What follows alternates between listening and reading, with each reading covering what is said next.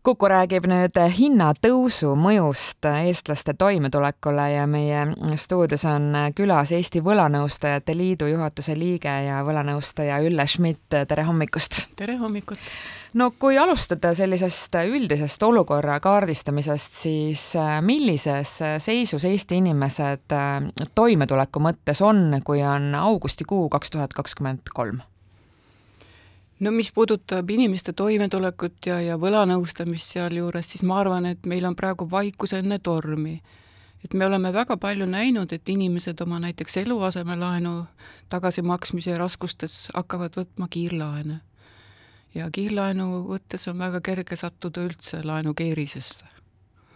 nii et ma arvan, et hetkel me seda päris olukorda ei teagi te ütlete vaikus enne tormi, mis see näitab teie töös selles mõttes, et kui palju teil praegu näiteks pöördumiste arv on? no see statistikat sellist nagu üle-eestilist äh, ei olegi mm., et äh, tõesti, mina isiklikult töötan Harjumaal, jah, ja ma ka siin ei ole mitte Võlanõustajate Liidu esindaja, vaid lihtsalt ühe võlanõustajana, et vältida kohtukaasusi mm. -hmm. et, ähm, et äh, samas näiteks Harjumaal ikkagi väga vähe suunatakse inimesi võlanõustamisele, tundub, et, et paljudes kohtades võib-olla ka sotsiaaltöötaja võtab endale selle, selle raskuse, et hakkab mm. inimest aitama, aga noh, võlanõustamine on tegelikult küll kättesaadav ja see on ka omavalitsuse korraldada, et ta peab inimese suunama, kui on probleemid. aga probleem on selles, eks ole, et inimesed ei pöördu õigel ajal aga äh, seletame siis natukene lahti ka, et äh, kuidas see olukord nagu nii-öelda kujuneb, et äh, inimesel on tema noh, teatavad kulud, tema elustiil ja mingist hetkest ta enam ei tule sellega toime, kuidas see tavaliselt, see nii-öelda mittetoimetulek algab? No enamasti algabki, kas noh, on ka, eks ole, näiteks sõltuvused, ehkki hasartmängusõltuvus nõustamiskeskus on olemas ja sealt saab ka tasuta teenuseid. et kas sõltuvus või siis on mingisugune, isegi ostusõltuvust me oleme küll ja küll näinud, aga no tüüpiline on see, et mingisugune probleem tekib, võetakse esimene laen, siis on olemas portaalid, kust saab kogu aeg raha juurde võtta isegi portaal nagu premeerib inimest, et sa oled kolm kuud korralikult ära maksnud, et vot nüüd on üheksateist eurot sulle mm. preemiaks, inimene mõtleb, et see ongi minu raha. nii et, et see portaalide kaudu raha võtmine ja noh, nagu nii-öelda raha on telefonis, raha on krediitkaardi peal, sularaha kasutatakse vähe, et väga-väga hõlbus on sattuda just sinna võlakeerisesse, et ühe, ühe, ühte võlga kustutatakse uue laenuga milline eestlaste suhtumine nüüd nõustamisse on, et ähm, tulevad nad küsima? ma, mulle tundub lihtsalt, et mõeldes eestlase natuuri peale, siis ega nüüd ei taheta väga tunnistada seda probleemi. jaa, tõesti, kahjuks on tõesti see, et tullakse täiesti viimasel minutil. noh, umbes nii, et, et homme oleks olnud notar, kui oleks saanud korteri kirjutada tütre nimele, aga täna on kohtutäitur arestinud kodu no Te mainisite, kui me rääkisime sellest, kuidas probleemid tekivad, et näiteks tekib probleeme eluasemelaenu tagasimaksmisel, aga mm, kuidas üldse noh, selles mõttes eestlased või kui ma ei tea, targalt need finants käituvad, et kas on suur osa elanikkonnast selline, kellel siis nii-öelda kuu lõpus on sõna otseses mõttes pangakonto tühi või, või millist käitumismustrit teie kohtate?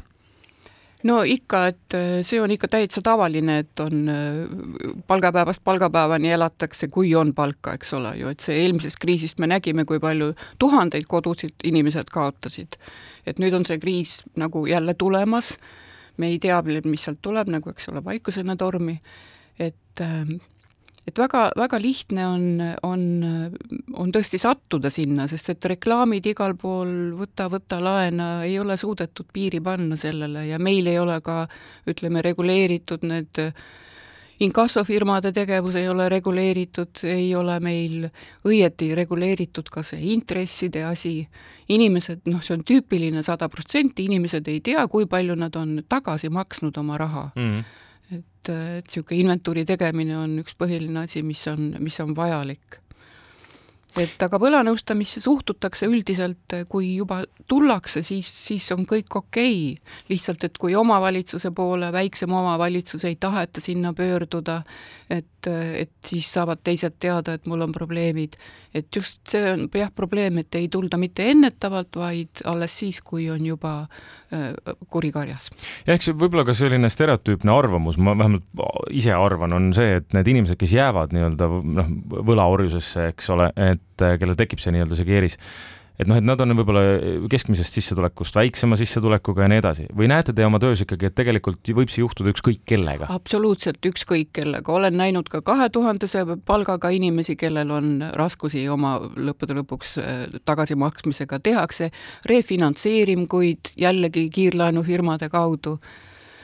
nii et see ei sõltu üldse sellest, mis on sissetulek, milline on inimese taust no,? ei, ei kui veel rääkida sellisest teie konkreetsest äh, töökogemusest ja seda, mida te igapäevatöös äh, näete, kas on võimalik tuua ka selline noh, milline on keskmine võlanõustamisse tulev inimene, noh, tema selline profiil, ma ei tea, kas või vanus, rahvus, tegevusala ja kui siin esimese kriisi aeg olid noh, ka näiteks pereemad, kellel oli noh, see kaks tuhat üheksa, kümme, kui oli raskusi toidu ostmisega, eks ole ju, siis praegu on nagu põlvkond vahetunud, on väga palju noori, väga palju on eraisiku pankrotte, noh, tänu Euroopa Liidule, eks ole, seda pankrotimenetlust lihtু-, lihtsustati, et tõesti, kui on ikka kümneid tuhandeid võlgu äh,, sul on lapsed, no siis on see eraisiku pankrot, kus, mis annab võimaluse puhtalt lehelt alustada, aga kui on tegemist kinnisvaraga, et siis on võlgade ümberkujundamine, meil on niisugune kaks seadusemuudatust tulnud, mis on nagu täiesti tarvitatavad.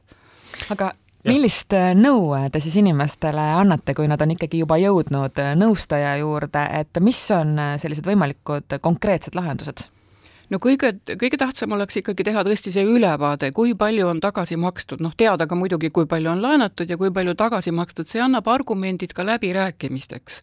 et alati saab läbi rääkida. meil on hästi levinud see maksekäsu kiirmenetlus, mis on interneti teel kohtu kaudu raha väljanõudmine, kus üheksakümmend protsenti inimestest üldse ei esita vastuväidet, ei proovigi maksekokkulepet sõlmida, et tagaselja otsused on et, et selles mõttes esmane on, on ikka nagu see situatsioon, eks ole, fikseerida ja siis vaadata koos inimesega lahendusi, temaga koos. Mm.. et ei saa nii, et võlanõustaja siis teeb, vaid et inimene peab ise olema aktiivne. No kui jah, võib-olla anda ka praktilist nõu inimestele praegu, kellel tõesti on, tunnetavad, et on raskemaks läinud, kust siis peaks, mis on esimene asi, mille pealt peaks kokku hoidma? No kokkuhoid ikkagi sõltub ka, eks ole, milline perekond on ja, ja kui palju süüa on vaja osta, et, et tõesti mingeid asju minu meelest küll ei peaks ostma, kui sul on, on võlgadega probleeme. et ja noh, näiteks ikkagi ennetavalt, ennetavalt enda pöörduda, kui juba esimesed probleemid tekivad. on olemas mitmed äh, kodulehed, kust vaadata võlanõustajate kontakte, on äh, minuraha.ee on olemas äh, selline sait siis on Eesti Võlanõustajate Liit, evnl.ee kas oleks võimalik äh, kuulajatega jagada ka mõnda sellist nii-öelda edulugu, et keegi on tulnud äh, teie juurde ja, ja et see asi on ikkagi noh, nii-öelda läinud väga-väga õiges suunas mõne inimese puhul? jaa, absoluutselt. on, on, ega tõesti neid äh, vanuseliselt on, praegu on nagu noori rohkem kui võrreldes vana, vanas, varasema ajaga aga, aga ikkagi, kui inimene nagu teeb stopp, paneb oma asjad kirja, kui palju ta laenab, palju tagasi maksnud, on hoopis lihtsam tal ka ise edasi minna, et kas siis noh, tõesti maksta need ära, tehta, teha need maksegraafikud, taotleda öö, seda alandamist, kuumakse alandamist, või ka siis taotleda üldse summa vähendamist, sest meil ei ole ju praktiliselt nagu limiteeritud seda, kui palju üldse küsida võib.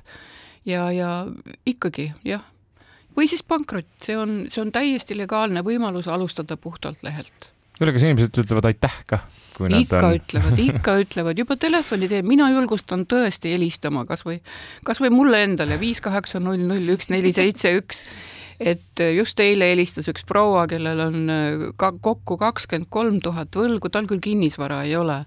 ja siis ma ka õpetasin, et noh, tehku kõigepealt see inventuur ära ja ta kohe tänas et tõesti, kas või telefoni teel küsige seda esmast nõu, aga julgustan alati pöörduma kas siis omavalitsuse poole, Tallinnas näiteks on kõikidele võlanõustamine täiesti tasuta juba ammu-ammu, viisteist aastat, nii hmm. et tegutsege. nii et Eestis selles suhtes probleeme ei ole, et sellist nõustamisteenust ei oleks, et pigem on ikkagi see inimeste, kuidas me siin ütlesime, et kas on julgust ja et ei oleks piinlik äh, küsida nõu? jaa, et kui mõelda, et meil on siin sada kakskümmend tuhat äh, võlglast Eesti inimest, eks ole, peaaegu kümme protsenti eestlastest, siis mingil juhul ei tasu mitte midagi häbeneda, eriti võlanõustamise asjus.